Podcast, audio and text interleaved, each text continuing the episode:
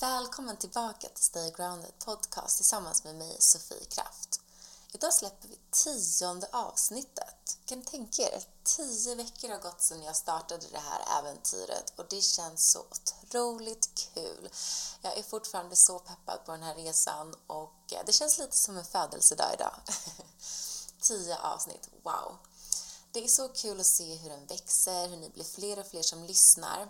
Och jag skulle också verkligen uppskatta om ni vill fortsätta dela era kanaler, fortsätt ratea både på Apple, Spotify eller där ni än lyssnar. Så kan ni hjälpa den här podden att växa ännu mer. Ja, det hade varit underbart. Idag så träffar jag Johanna Mannelqvist som är health coach, hälsocoach framför allt för kvinnor. Jobbar mycket med retreats, coaching och en fantastisk yogalärare. Jag ville bjuda in Johanna hit för att prata om hur allting började för henne. Jag älskar ju de här livshistorierna och valen i livet. Vad är det som har tagit dig dit du är idag? Johanna berättar om utbrändhet, hur hon hittade tillbaka till sitt hjärta i Mexiko och hur det är så viktigt för henne att alltid lyssna till hjärtat och följa dess väg. Hoppas att ni blir inspirerade av det här avsnittet. Det blev verkligen jag.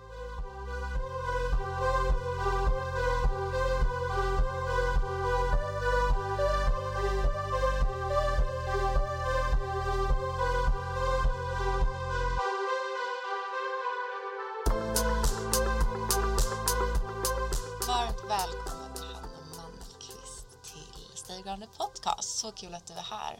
Tack Sofie för att eh, du bjudit in mig. Mm, det känns kul att vi äntligen fått till det. Jag har liksom haft dig i min loop väldigt länge som så här, dig vill jag bjuda in. Verkligen, och vi sitter här så mysigt. Eh, vet. Det här rummet, det känns eh, jag har faktiskt jag byter lite rum beroende på vilken gäst jag bjuder in. För att jag vill, jag vill åt vissa stämningar. Och jag var så här, okej, yogi, coach, du måste sitta barfota i så här mysiga kuddar och ett fluffigt rum. Helt så att det rätt. känns som att, uh, gjorde jag rätt? Här känner jag mig väldigt hemma. Ja, bra. Ja. Hur mår du idag? Vart är du i livet just nu? Jag mår jättebra idag. Jag kom på cykeln hit faktiskt och solen sken i mitt ansikte och varit ute med min hund på lång, lång promenad. Så idag känns som en väldigt härlig och eh, ja, men energifylld dag. Eh, jag mår bra. Det har varit eh, ett år bakom mig och mycket eh, toppar och dalar. Eh, det kanske är så som livet är. Eh, men eh, jag känner att jag är på en bra och trygg plats just nu. Mm. Känner du också att du får mer livsenergi när våren kommer och solen och blå himmel? För jag känner att jag typ blir en, nästan en helt annan person när jag vaknar de här månaderna och det är så blå himmel och livet känns lite så lättare. Är det liknande för dig eller kan du, hittar du balans liksom oavsett väder och klimat och Nej, men självklart blir man påverkad. Alltså verkligen. Jag tycker att vintrarna är svåra i Sverige och det tror jag inte att jag är ensam om att tycka. Men det är tungt. Det är klart att vi blir påverkade.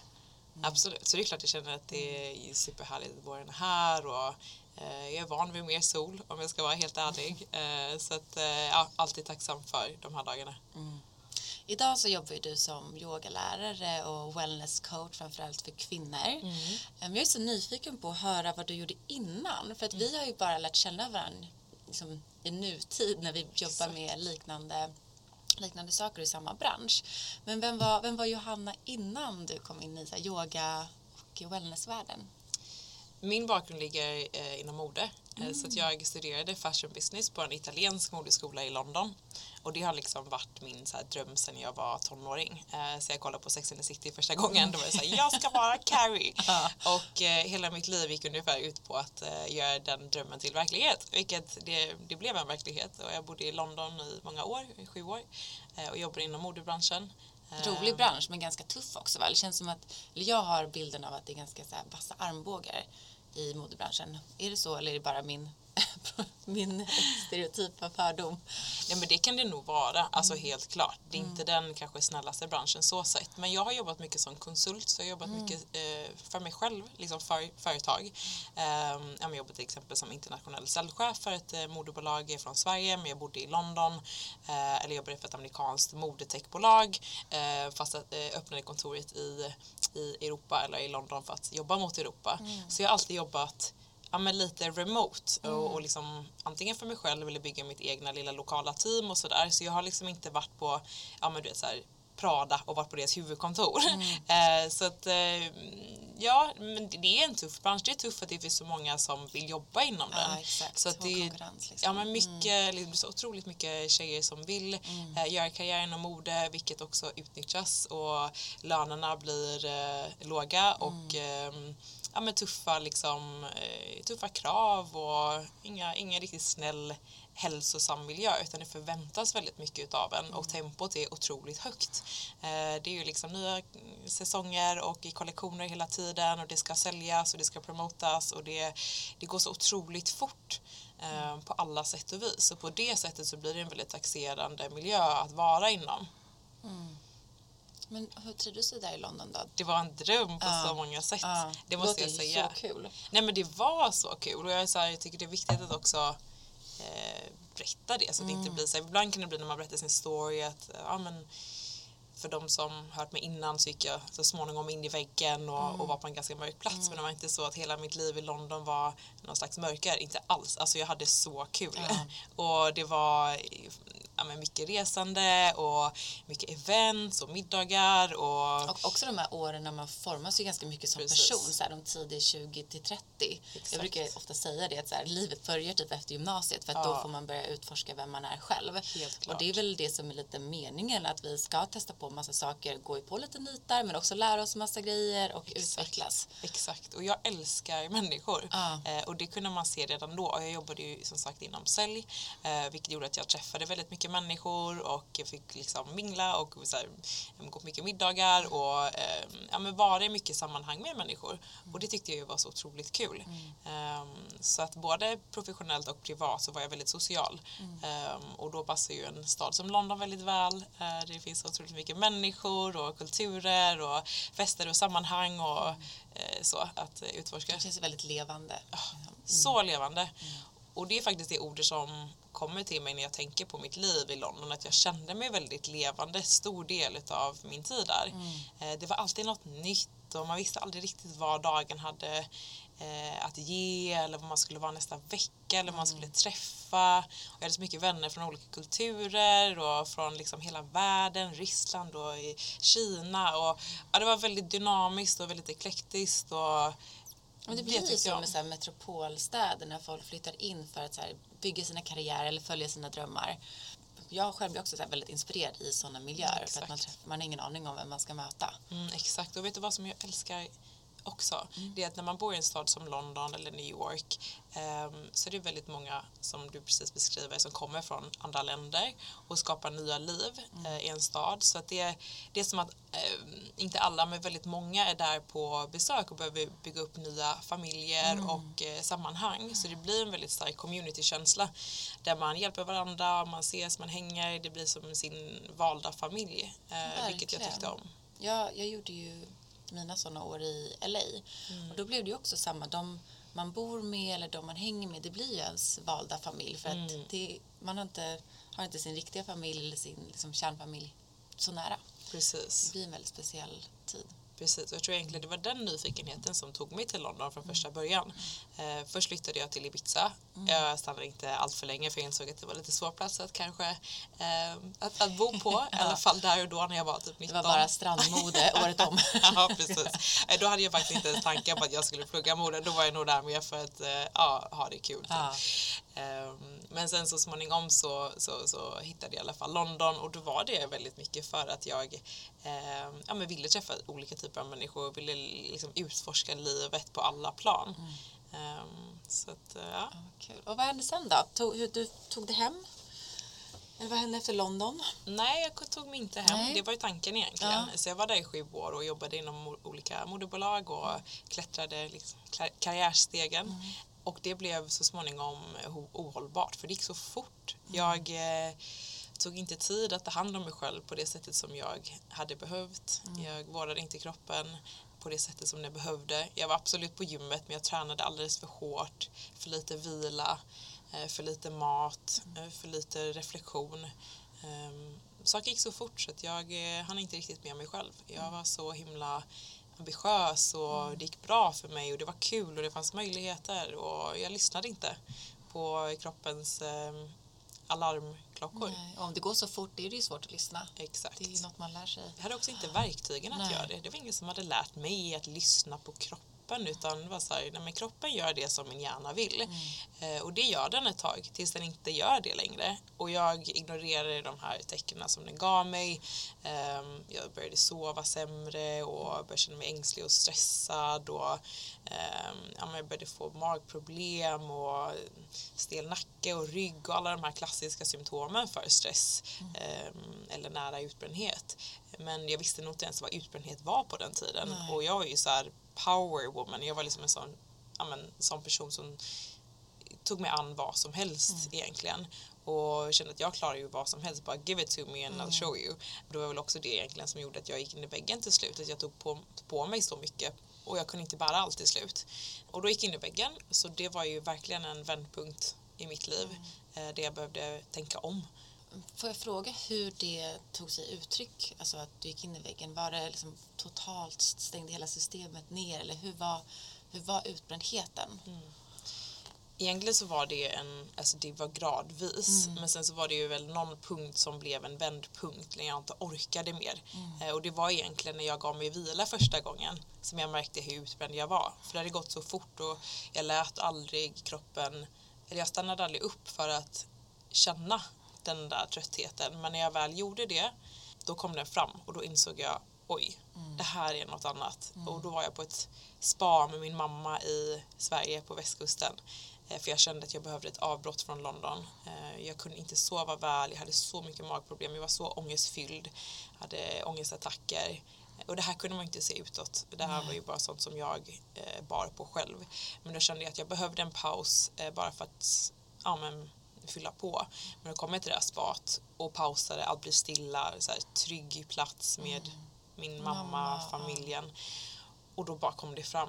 Och jag minns ehm, att jag inte kunde riktigt komma upp ur sängen när jag låg på hotellet. Mamma sa, nu kommer ni äta frukost. Jag bara, jag orkar inte. Alltså jag kommer inte ur sängen, jag orkar inte. Och det hade jag inte känt innan. Det var som att eh, jag hade ett täcke av bly på mig. Jag var helt slut. Jag kände mig helt tömd, inte bara fysiskt utan emotionellt. Alltså, min energi var helt slut. Och då fattade jag att det här är något annat. Jag måste tänka om. Ja. Jag kan bli så fascinerad över att kroppen reagerar så starkt. Du måste göra en förändring för att nu funkar inte ens dina muskler. Det funkar inte ens dina känslor. Alltså, det är så fascinerande att vi det är jättesorgligt att det behöver gå så långt ofta tills liksom, vi lyssnar. Men det är ändå så coolt hur kroppens mekanism ändå så här, det här är inte hållbart. Du måste göra en förändring. Exakt. Men allting som vi känner i kroppen är egentligen bara meddelanden. Så om vi lyssnar tidigt så behöver det inte gå så långt och det är därför jag är så dedikerad till det arbetet jag gör och känner så mycket motivation för att dela verktyg, för att dela kunskap för kvinnor och män. Eh, att börja lyssna in till kroppen tidigare, att se varningssignalerna, att skapa hälsosamma vanor och rutiner som gör att vi blir mer toleranta till stress och miljön och så vidare. Vilket jag inte hade på den tiden. Jag hade ingenting egentligen. Jag gick och tränade men jag tränade alldeles för hårt. Mm. Och idag så förstår jag att det gjorde ju bara saker värre. För att det höjde ja, det höjde tror bara. Ja. Mm. stressnivån, eh, kortisolvärdena i min kropp. Så att det jag behövde var ju vila, återhämtning, kanske yin-yoga, långa härliga promenader. Men det var ju det sista jag ville göra för det var ju så oeffektivt. Man skulle ju vara effektiv hela tiden. Men hur så- tog du dig tillbaks då? Hur, jag kan tänka mig att det är steg för steg såklart, men har du, hur, hur tog du dig ur den som blytäcket? Jag började gå i terapi. Jag hade en ätstörning på den tiden, vilket också var en del av min utbrändhet. Eller vad ska jag säga, de gick hand i hand. Ja. Alltså det var ju bara tecken på att jag var ur balans. Och jag sökte någon typ av kontroll i hur kroppen såg ut och vad jag åt. Så det var liksom min krycka, eller var liksom så jag kände mig lugn och trygg. När det var liksom in perfect order så var my mind in okay order. Så att jag började gå i terapi eh, för att jobba med min ätstörning. Och sen började jag yoga och det var där yogan verkligen tog fart. Jag hade nog yogat ett tag innan jag gick in i väggen. Men det var där yogan tog en annan form och jag hittade ett sätt att läka min kropp, mitt nervsystem, att börja andas igen. Herregud, jag andades ju liksom...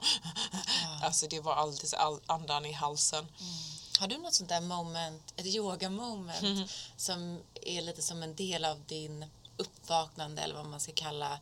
Eh, för när jag har pratat med många yogalärare eller folk som jobbar kommer de ihåg den här stunden så här, men jag minns den här klassen eller det här moment när min kropp bara släppte eller du vet, man började gråta eller började skratta, att man insåg att det var någon djupare kontakt med kroppen i en yoga session. Oh ja, jag tänker spontant eller direkt på en yogaklass med en fantastisk lärare som heter Matt som var lärare på en women's club som jag var del utav som heter Grace Belgravia.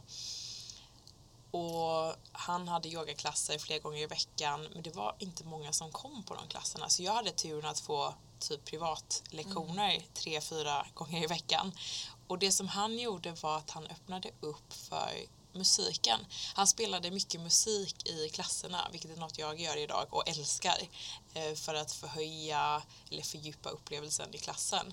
Och han spelar väldigt mycket musik och min, min pappa är musiker så musik ligger mig väldigt nära. Jag är uppvuxen med att vara med han i studion och han var i band och spelar alltid musik hemma och bygger gitarrer och mm. sjunger och det är liksom, alltså så här, musik är, mm, är så nära hjärtat. Ja, men visst. Så när han värvde ihop rörelse, andning, musik och hans varma fina närvaro med så mycket kärlek då kunde jag släppa. Så då minns jag en stund, precis som du beskriver, när jag låg i pigeon pose duvan mm. för någon som inte vet. Eh, vilket eh, går in i höfterna och i höfterna så, så har vi väldigt mycket stress och minnen och saker som sätter sig där. Så låg jag i duvan och så spelade han någon låt och jag bara grät. Alltså det var som att öppna en kran. Alltså det var bara och, och det var sån otrolig release för det var så mycket jag inte tillåtit mig själv känna mm. under så många år och tryckt undan för att jag har inte tid att känna så mycket och det var liksom bökigt med känslor och liksom vill inte vara så känslig. Liksom att jag är ju tuff, jag är inte känslig. Mm. så att, ja, vad roligt. Men jag, jag älskar det. Man, man minns alltid den där liksom, första releasen. Alla jag pratar med så här, exakt vilken klass, absolut. vilken lärare, vilken tid på absolut. dagen. Liksom att det verkligen är liksom en, en vändpunkt på något sätt. När man inser hur mycket yogan kanske går från den här fysiska träningen till att så här, shit, det är någonting Vad inre. var din vändpunkt? Ja, men jag pratade om det faktiskt när jag träffade Julia, din ah, vän. Eh, och det var när jag var på en kundalini-yoga. Ah. Och det var första gången jag var på en kundalini, en riktig session liksom. Och det var också efter ett, ett visst antal twistar och andning mm. så började vi rulla höfterna. Och det var då när höfterna kom så jag bara ah! Det brukar vara det var... antingen höfterna eller hjärtat. One of the two. Mm.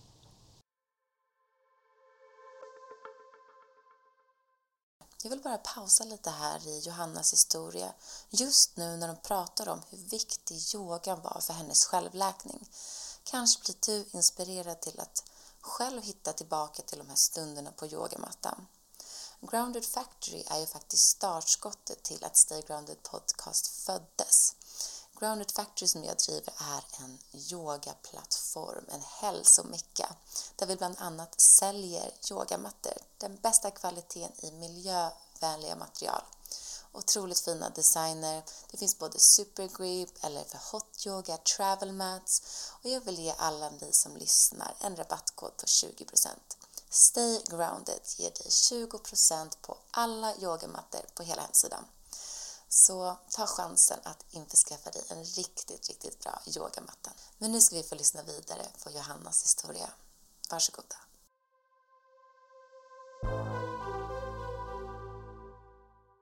Men då började yogan komma in i ditt liv under din, din läkning där då? Precis. Med psykolog, yoga. Precis. Hur fortsätter läkningen? Jag stannade kvar i London.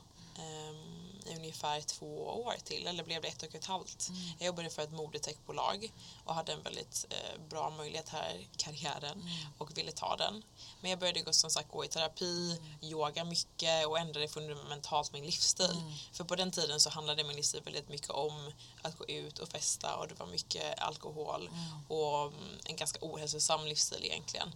Eh, så jag slutade dricka, alla på drog ner på det och umgicks med lite andra typer av vänner och började gå och söka upp andra sammanhang. Man måste ju bryta mönstren. Precis. Och läsa mycket böcker. Jag började läsa böcker, lyssna på podcast, alltså började söka på alla olika platser egentligen. Lyfte på varenda sten jag kunde liksom. Och du vet säkert själv att när man börjar söka och, och, och så, kommer, så öppnar sig en massa dörrar som man inte ens visste fanns. Så det var ju en helt ny värld i London som inte jag visste existerade innan.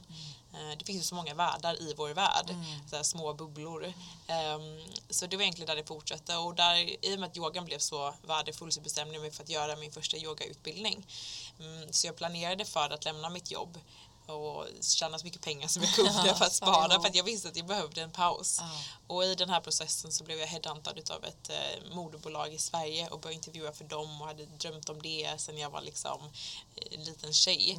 Eh, och fick det här jobbet som var en jättemöjlighet. Jag flyttade till Stockholm och öppnade ett nytt modetechbolag eh, med jättebra lön och personalansvar och de skulle relocate mig och allt vad det var. Och, Och du bara nej, du jag bara, planen va? nu. Nej men jag ska ju lämna det här nu, jag ska ut och resa, göra min Ja, vilken krock det måste varit i hjärnan. Alltså med två, kanske kroppen känner att den ska ha en stans för att ta hand om dig och återhämta och hjärnan och drivet. För det är så här, man får inte glömma att det är också jättehärligt att ha det här drivet. Att man har ett Verkligen. mål och eh, taggad och spänning och pirr för någonting. Så det måste varit en väldigt krasch där. Eller liksom Inte, konflikt. där, inte kanske. där och då, men Nej. Mm. det blev det senare. För att när jag var fortfarande i det där så tänkte jag, ja men perfekt, då kan jag åka ut här i ett halvår, resa lite, göra min utbildning, fylla på och sen så kan jag flytta till Sverige. Det här är ju det jag drömt om i hela mitt liv. Plötsligt hände det. Wow, och jag behövde inte ens söka ett jobb. De var headhuntade mig. Mm. Vilken häftig grej. Jag gjorde en sån här stor historia, liksom, historia i mitt huvud om det här var Mm. så himla meant to be. Så då var jag nog egentligen ganska pepp och sa till dem så här, ja men absolut, jag vill jättegärna ta det här jobbet. Men jag behöver sex månader för jag har bestämt att göra den här resan och jag ska göra min utbildning. Och så sa de okej, men då började du i januari och så åkte jag ut och liksom, sa upp mig från jobbet och åkte ut och gjorde min resa och flög till Mexiko och Switzerland och USA och Aruba och allt vad det var. vad och på, min, på min sista eh, stopp var eh, Mexiko. Då hade jag en envägsbiljett till Mexiko. Aldrig varit där innan, kände inte en kotte. Men hade av Vad var det någon... som drog dig dit då? Ja, det var egentligen en kille från första början. Ja, precis. Nej men det var faktiskt en kille från första Ah. början. Jag hade en, en mexikansk killkompis Mm. i London som sa så här, men gud vad kul Johanna, så här, nu har du tid off. Jag ska öppna, jag ska skapa ett så här microbrewery, typ en, ett ölbrand. Alltså det låter så konstigt det här nu men han bara, jag ska skapa ett ölbrand och jag tänkte jag ska åka runt i Mexiko och bila och bara ta massa bilder. Ska du inte bara hänga på? Typ. Jag Ah. bara, ja men det här låter ju skitkul. Ah. Men jag var fortfarande i en mindset där jag var ganska kontrollerande. Jag ville verkligen veta liksom, vad var planen, hur skulle vi åka? Och han var så här supermanjana. Han bara yeah let's see, we'll meet there, we'll do this. Så vi blev så här, det blev en konflikt mellan oss. ehm, Men kanske att- din perfekta lärare i Ja, hundra procent. Alltså jag var ju typ rätt oskön. Alltså jag hade nog kunnat bara vara lite mer relaxed. Men Du var det en var så mycket. jag behövde mycket kontroll i alla fall. Men så här, idag hade det nog passat mig mycket bättre. Mm. Vi har inte lika stort behov av det längre. Men där och då var jag så här, nej men var ska vi åka? Vart ska vi bo? Liksom, ska vi boka där? Han bara, nej men Johanna, vi bara liksom get Go the ticket and go. flow. Ja men precis. Så i alla fall efter ett tag så insåg vi att det här kommer inte bli en bra resa. Sen sa så här, "Ja, men jag tror inte vi ska göra den här resan tillsammans. Men vet du vad, jag känner att vi verkligen borde åka till Mexiko. Det finns ett ställe som heter Holistica som ligger i Tulum. Min kompis Tony håller på att öppna ett holistiskt center i djungeln och jag bara ja, ja, ja, okej, whatever. Tell me where it is and I'll go liksom. Så då hade jag beställt en one way ticket till då Cancun, Tulum för att jag skulle åka dit och bara så integrera min yogautbildning. Ehm, och hade det här namnet på Tony då och så körde den här taxibilen in med i djungeln mitt i ingenstans, helt kolsvart på natten. Han bara Are you sure miss? Alltså, jag Are you sure? ja. Men bara så här, jag var i sån total tillit. Ja. Jag hade släppt på så jäkla mycket. Jag hade släppt på alla mina drömmar, alla mina fysiska belongings. Mm. Jag hade sett upp min lägenhet, jag hade lämnat min kille. Jag hade, alltså jag hade släppt på så mycket så jag var en total trust of universe. Mm. Ja. Att den kommer leda mig dit jag ska. Jag blev ju lite så här misstänksam när jag typ så här satt i taxin och kom i den där djungeln helt kolsvart och bara hörde rösten någonstans och den här taxichauffören bara är du säker? Jag bara yeah I think so och bara kom där med mina väskor och bara hallå? Och sen så vaknade jag på det här då holistiska centret dagen efter i så här magiskt ljus på morgonen mitt i djungeln och bara var är jag? Alltså jag var så här i paradiset. Det var så vackert. Mm. Och träffade ett helt nytt community av människor som var så varma och fina och närvarande och inkluderande och generösa. De bara tog mig under deras vingar och bara så här, vad behöver du? Vem är du? Kom hit, träffa den här. Här har vi en healer. Här är vi liksom, alltså det var något så Wow, gud, otroligt fint. fint. att få uppleva. och träffade massa nya vänner. En vecka blev två veckor, blev tre veckor, fyra veckor. Tiden började gå. Um, och jag, då var kanske november, december. Jag skulle ju börja på det här jobbet i Stockholm i januari. Allting var ju klart. Jag hade en lägenhet på Karlavägen. Du vet, mm. Flyttgubbarna redo, mm. kontrakt skrivna. Du vet, mm. da, da, da, da. Och plötsligt började jag känna ångestkänslor igen och det hade jag inte känt på ett tag. För är man ledig i sex månader och verkligen tar tid att, att, att, gå i det inre och att söka och jobba med sig själv. Det hinner hända väldigt, väldigt mycket. Och jag var på en väldigt bra plats. Jag kommer från utbildningen, jag hade ja, läkt så mycket, jag kände mig så fri och glad och påfylld. Och plötsligt hade jag de här ångestkänslorna igen. Och då kände jag så tydligt att det här är ju inte vad jag vill längre. Mm. Det här var en, en dröm för Johanna förr. Mm. Men jag är inte den Johanna. Jag har utvecklats, jag har blivit en annan person. Mm. Och det här är inte min dröm längre. Jag lever någon annans dröm. Det här är inte vad jag vill göra. Så det var ett jättestort beslut för mig att verkligen följa mitt hjärta och det som Vad fint att inse det. Alltså du måste, jag förstår att det måste varit jättesvårt men gud vad fint att kunna också se det som för vad det är. Så jag hade den drömmen och det har varit jättefint och det har gett mig jättemycket härliga och inspirerande år i London men att nu har du en, ett till liv mm. att få drömma i. Alltså, mm. man behöver inte se det är inget liksom, final decision. Mm. Livet är till för att här, upplevas och njutas på så många olika håll. Helt klart. Det är så svårt för vårt mind bara att acceptera det. För vårt mind, våra tankar, vårt ego vill vara en sak och gillar inte förändring. Så det kan ju vara svårt det här med att släppa om man också haft en stark identitet och att man har verkligen hållit sig fast vid ja, men någon titel eller någon tanke på vem man är, att jag är liksom Johanna Mode och liksom bor i London och det är så här, så här, jag ser ut på det här sättet och det här är jag. Det är ju väldigt obehagligt att släppa på det. Och jag förstår, det är säkert många av dina lyssnare som går igenom något liknande, det är svårt med förändring och det är läskigt. Men den enda vägen är att gå igenom det som är så läskigt. Och jag kände där då att oh, jag behöver bara sitta med de här känslorna. Och jag grät och jag grät och jag grät. Och sen åkte jag till Kuba med en kompis och, och ringde till det här bolaget i mm. Sverige och sa tyvärr jag kommer inte tillbaka. Jag ringde till mina föräldrar och sa jag kommer inte tillbaka, det är inte vad jag vill göra. Och mm, mina föräldrar var först lite förvånade och lite oroliga men ringde upp mig dagen efter och bara sa Johanna du har vårt absolut fulla stöd på alla sätt som du behöver så finns vi här för dig. Ja, ja men jag är så lyckligt lottad min mm. familj, är helt fantastiskt. Mm. Och ringde det här bolaget och de sa vi är väldigt förvånade efter vår långa konversation och den här möjligheten vi har här men eh, så på det sättet vi besvikna men så sa även han den här chefen så här, men på ett personligt plan så önskar jag dig lycka till och bra att du följer ditt hjärta. Ja. Gulligt. Ja, men skön. Jag tror att det var någonstans kanske där som jag såg dig första gången. För att jag minns när jag upptäckte dig, jag måste ju ha varit via Instagram. Och då, var, då bodde ju du i Tulum på, och jag hade yoga på Holistica. Mm. Och, så det var så jag, jag, det var den bilden jag bara haft. Det var mm, Johanna, det var så självklart för mig att det var den Johanna jag liksom lärde känna. Visst. Uh, så det är jättekul att få höra din story mm. hela vägen upp dit. Mm. Det känns väldigt länge sedan för mig idag. Alltså när jag pratar om det så skrattar jag och jag kan leva mig in i de här känslorna och de, de grejerna jag har gått igenom men det har ju hänt så mycket sedan dess. Det är liksom det kapitel i mitt förflutna. Det var mm. egentligen det som ledde, ledde till att jag började göra det typ av arbete idag. Men sen dess har det hänt en miljon andra saker.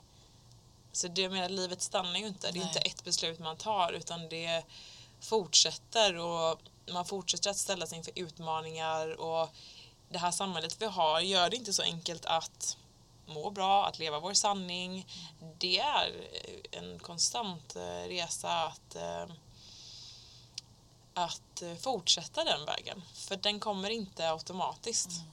Och man dras lätt åt många se, olika håll. se möjligheten att det är inte ett beslut som Nej. är liksom final för ditt liv utan det är så mycket vi ska gå igenom. Vi, vi, vi åldras och det så, mm. kommer få nya insikter och mycket mm. förändringar.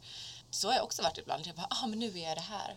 Vad ska jag vara det här resten av livet? Mm. Jag har ingen aning. Jag har mm. massa grejer jag vill göra. Det mm. känner jag känns kul. Och ibland så mm. fastnar man i så här, nej men, mm. ja, då är jag stack här liksom. Men jag tror man, om man lyckas vända det eller komma på det att så här, gud, vi har så mycket möjligheter. Även fast livet är kort så är det ju väldigt långt. Vi har ju så mycket möjligheter att skapa det vi vill.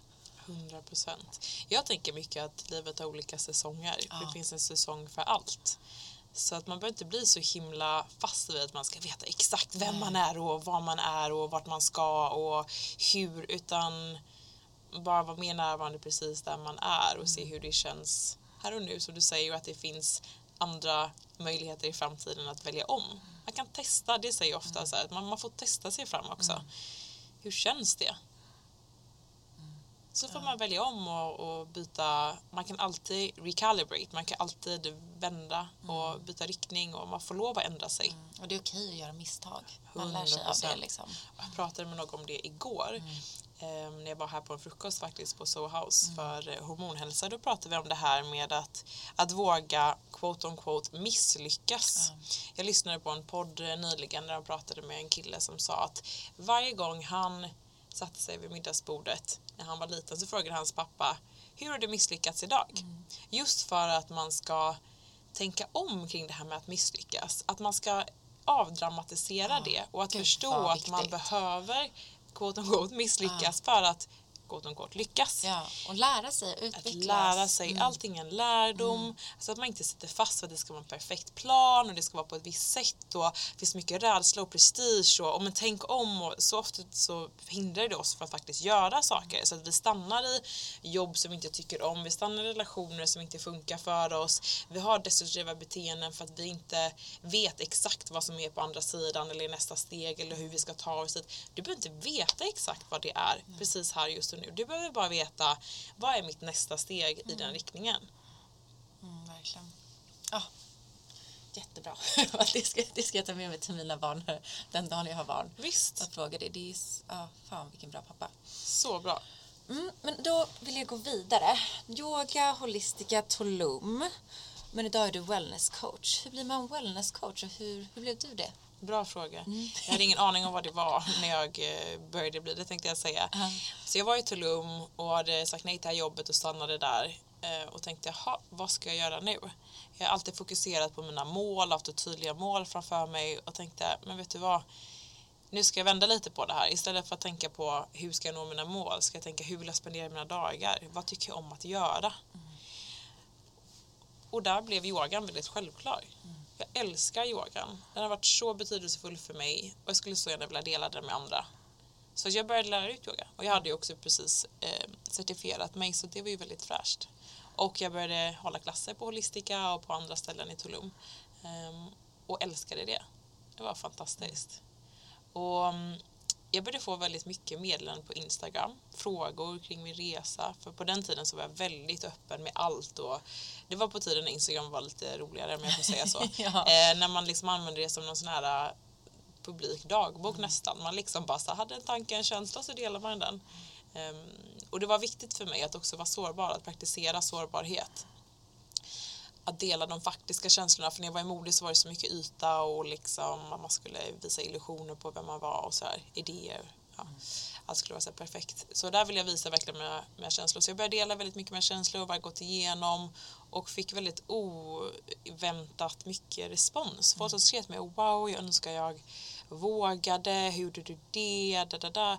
Så jag började skriva väldigt mycket, både mejla och skriva och bara svara. Och så började jag tänka, men gud det finns så mycket andra kvinnor och män som vill leva andra typer av liv. Ja, som vill göra förändring men är rädda för det och de tänk om man skulle också. kunna, ja men precis, tänk skulle man kunna supportera dem och hjälpa dem på, på den vägen. Och plötsligt så kom Institute of Integrative Nutrition, vilket är en coachingskola från eh, USA, eh, upp i min värld.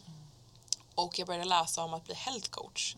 Jag visste inte att det fanns någonting än som var health coach. Utan jag hade ju bara varit i terapi och hade varit det och så här, gått till olika människor. Men jag hade inte haft någon som var så övergripande. Ehm, och blev jättenyfiken på vad det var och valde att um, certifiera mig som um, holistisk hälsocoach.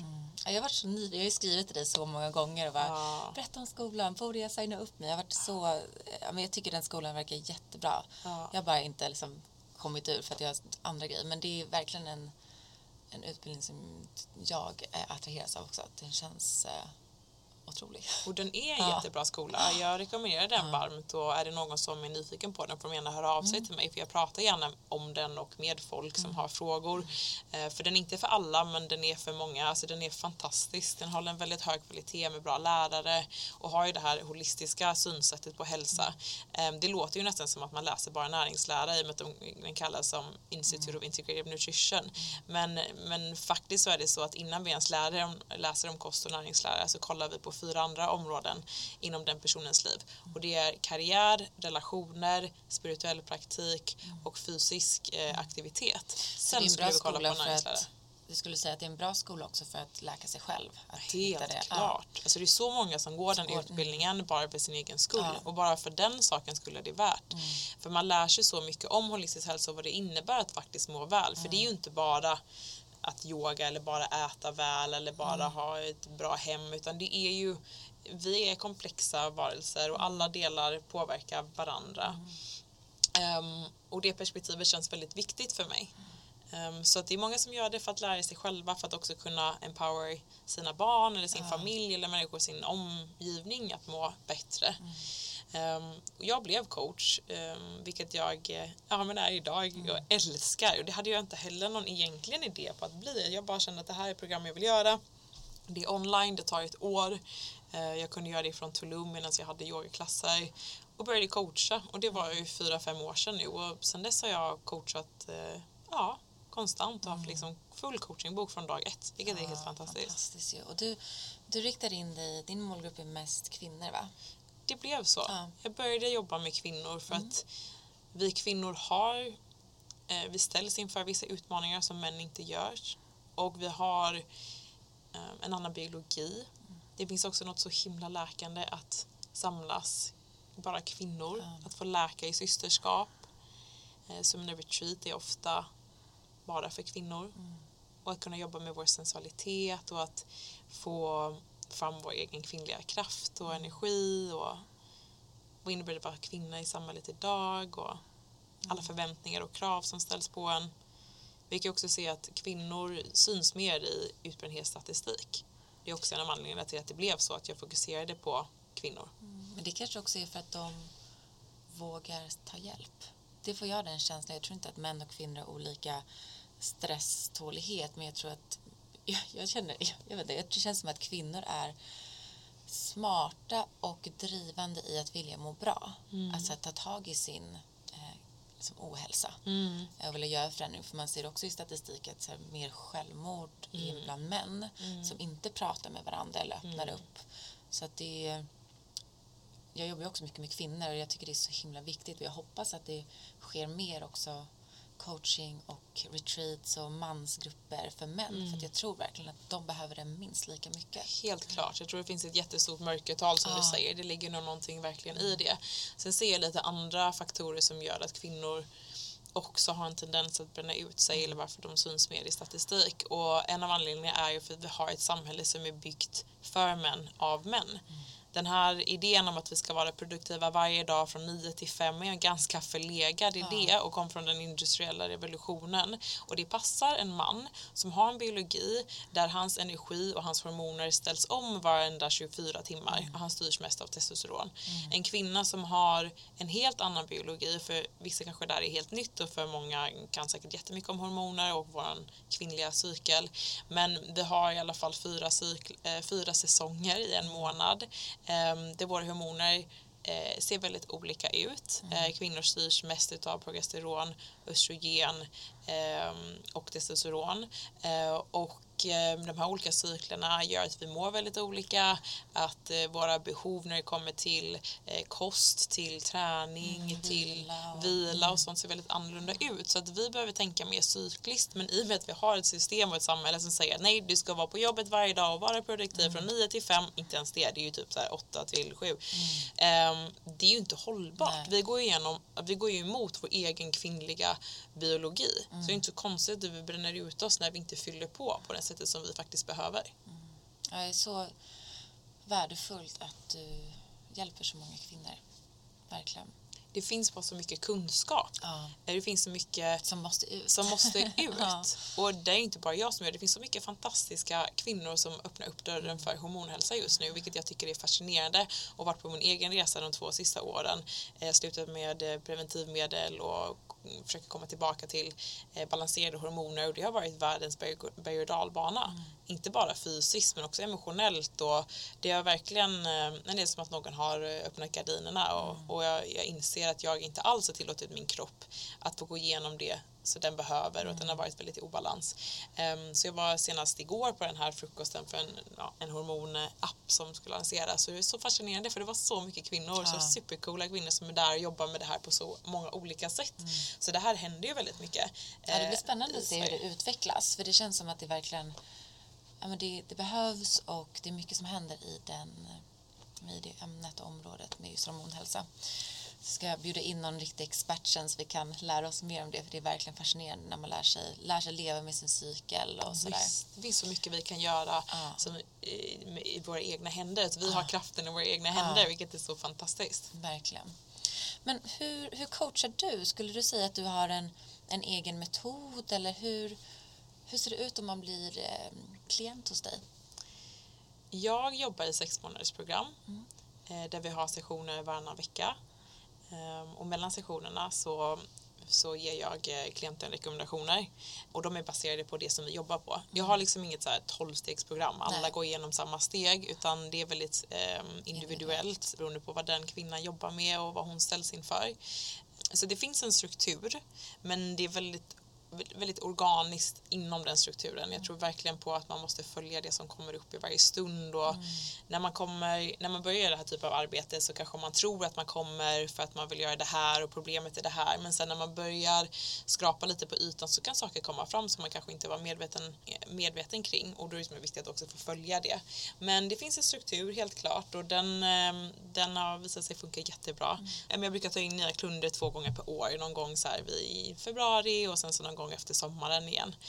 Men det jag insåg efter att ha gjort det här fyra fem år är att jag ser att det finns väldigt mycket trender och tendenser och att det är vissa steg eller vissa frågor som väldigt ofta kommer upp med den typen av kvinna som jag jobbar med. Så det jag har gjort det sista året är att jag verkligen börjat kristallisera vad är det och vad är det jag ser som viktiga steg i en kvinnas personliga utveckling eller läkningsprocess eller i sin resa som hon kan tänkas behöva gå igenom och eh, skapa det här till min egen metod. Så det är vad jag har jobbat med de sista, ja, den sista året skulle jag vilja säga. Men det är egentligen en summering utav allting som jag har gjort under de här fyra, fem åren eh, med att jobba med kvinnor och inte bara i coachingprogram men även i retreats och med yogan och så. Kul. Vill du berätta om metoden lite? Absolut, Ja. alltså, den håller fortfarande på att födas fram så jag är väldigt mycket i processen vilket är så himla spännande Ja. och det har tagit tid. Gud vad mycket tid det har tagit och där i tålamodet är väl det som jag har fått jobba på ganska mycket i mitt liv så det har verkligen varit eh, en utmaning men också så himla fin process att verkligen se vad som kommer fram för det känns som att det det kommer öppna dörrar till att kunna hjälpa fler. För såklart om jag bara har en pers- mm, vad ska jag säga, en one-on-one approach så blir det väldigt svårt att nå många för jag kan inte ta så himla många coachingklienter utan jag vill kunna skapa mer coachingprogram och ja, men, nå ut till fler kvinnor. Ehm, så nu har jag landat i en metod som jag kallar Essence. Och den kallas Essence för att det arbetet jag gör handlar väldigt mycket om att lära känna vem vi faktiskt är eh, essensen av de kvinnor som vi är. Vad är mitt sannaste uttryck? Vem är kärnan av mig? För jag tror så mycket på att vi har visdomen inom oss och att vi redan är allt det där vi söker. Så istället för att söka det yttre och få bekräftelse av alla andra eller jobb eller det det det. Att, att komma hem till oss själva, att bli trygga i de kroppar vi har och de personerna som vi är. Och, och att hitta den starka kontakten till oss själva är så fundamentalt för Ja, att skapa bra viktigt. relationer i både med människor och med jobb och samhället i stort. Mm. Eh, och det är den som jag tycker att vi så ofta eh, förlorar. Så mm, jag vill skapa resor som verkligen eh, guidar kvinnor tillbaka till de som de är. Eh, de har svaren, de vet, jag vill verkligen att det arbetet jag gör ska vara affirming, alltså att inte jag har inte svaren till någon utan de har svaren. Så att, eh, ja, det heter Essence och jag har egentligen, jag tar väldigt mycket eh, referenser från naturen som jag tror att du också gör. Visst heter ditt retreat Inner Bloom. Ja. Eh, jag tänker också väldigt mycket på, på blommor och naturen när jag tänker på personlig utveckling och, eh, och livet. Vi har så mycket att lära därifrån. Har också varit en av mina största läkare, alltså healers. Naturen. Ja, Att vara i naturen, att lära mig från naturen, att så, eh, vila där. Så att det var så egentligen namnet kom fram. Och där har jag kristalliserat fem stycken petals eh, som jag tycker är fem områden som är väldigt viktiga att kika på. Och där finns ingen liksom ordning på de här utan det är bara som en blomma som den är. En är spirituality och det handlar väldigt mycket om det här med att hitta en kontakt med oss själva och mening med livet och vem är jag, vad gör jag här och att känna den kontakten och att inte bara förstå att vi inte bara är en kropp, vi är inte bara en tanke, vi att, att verkligen jobba själsligt. Eh, Den andra är eh, body, alltså kroppen, att jobba med nervsystemet, jobba med eh, digestion, vad heter det på svenska? Det heter Ehm, metabol- ämnesomsättning. ämnesomsättning. Ja, fast det blir Eller? lite fel. Matsmältning, Matsmältning, alltså att så.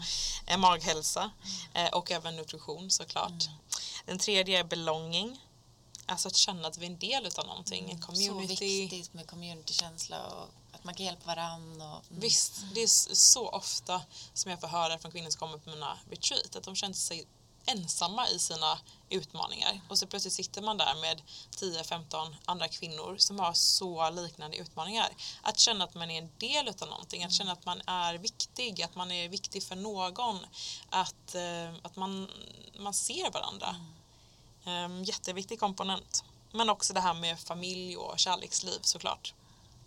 Den fjärde är mind, så jobbar vi mycket med tankar men också med eh, eh shadows, alltså vad vi har varit med om det här livet, vad det är vi bär på från barndomen, vad är det för föreställningar vi har som stoppar oss från att se vilka vi faktiskt är.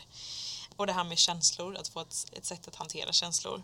Och den sista är womanhood, så då går det in i det här med hormoner, den här energibalansen mellan det kvinnliga och det manliga, om sexualitet, sensualitet, kreativitet, att låta det flöda, vilket jag också upplever för den typen av kvinnor jag jobbar med, ofta fastnar eller stagnerar eller dör ut.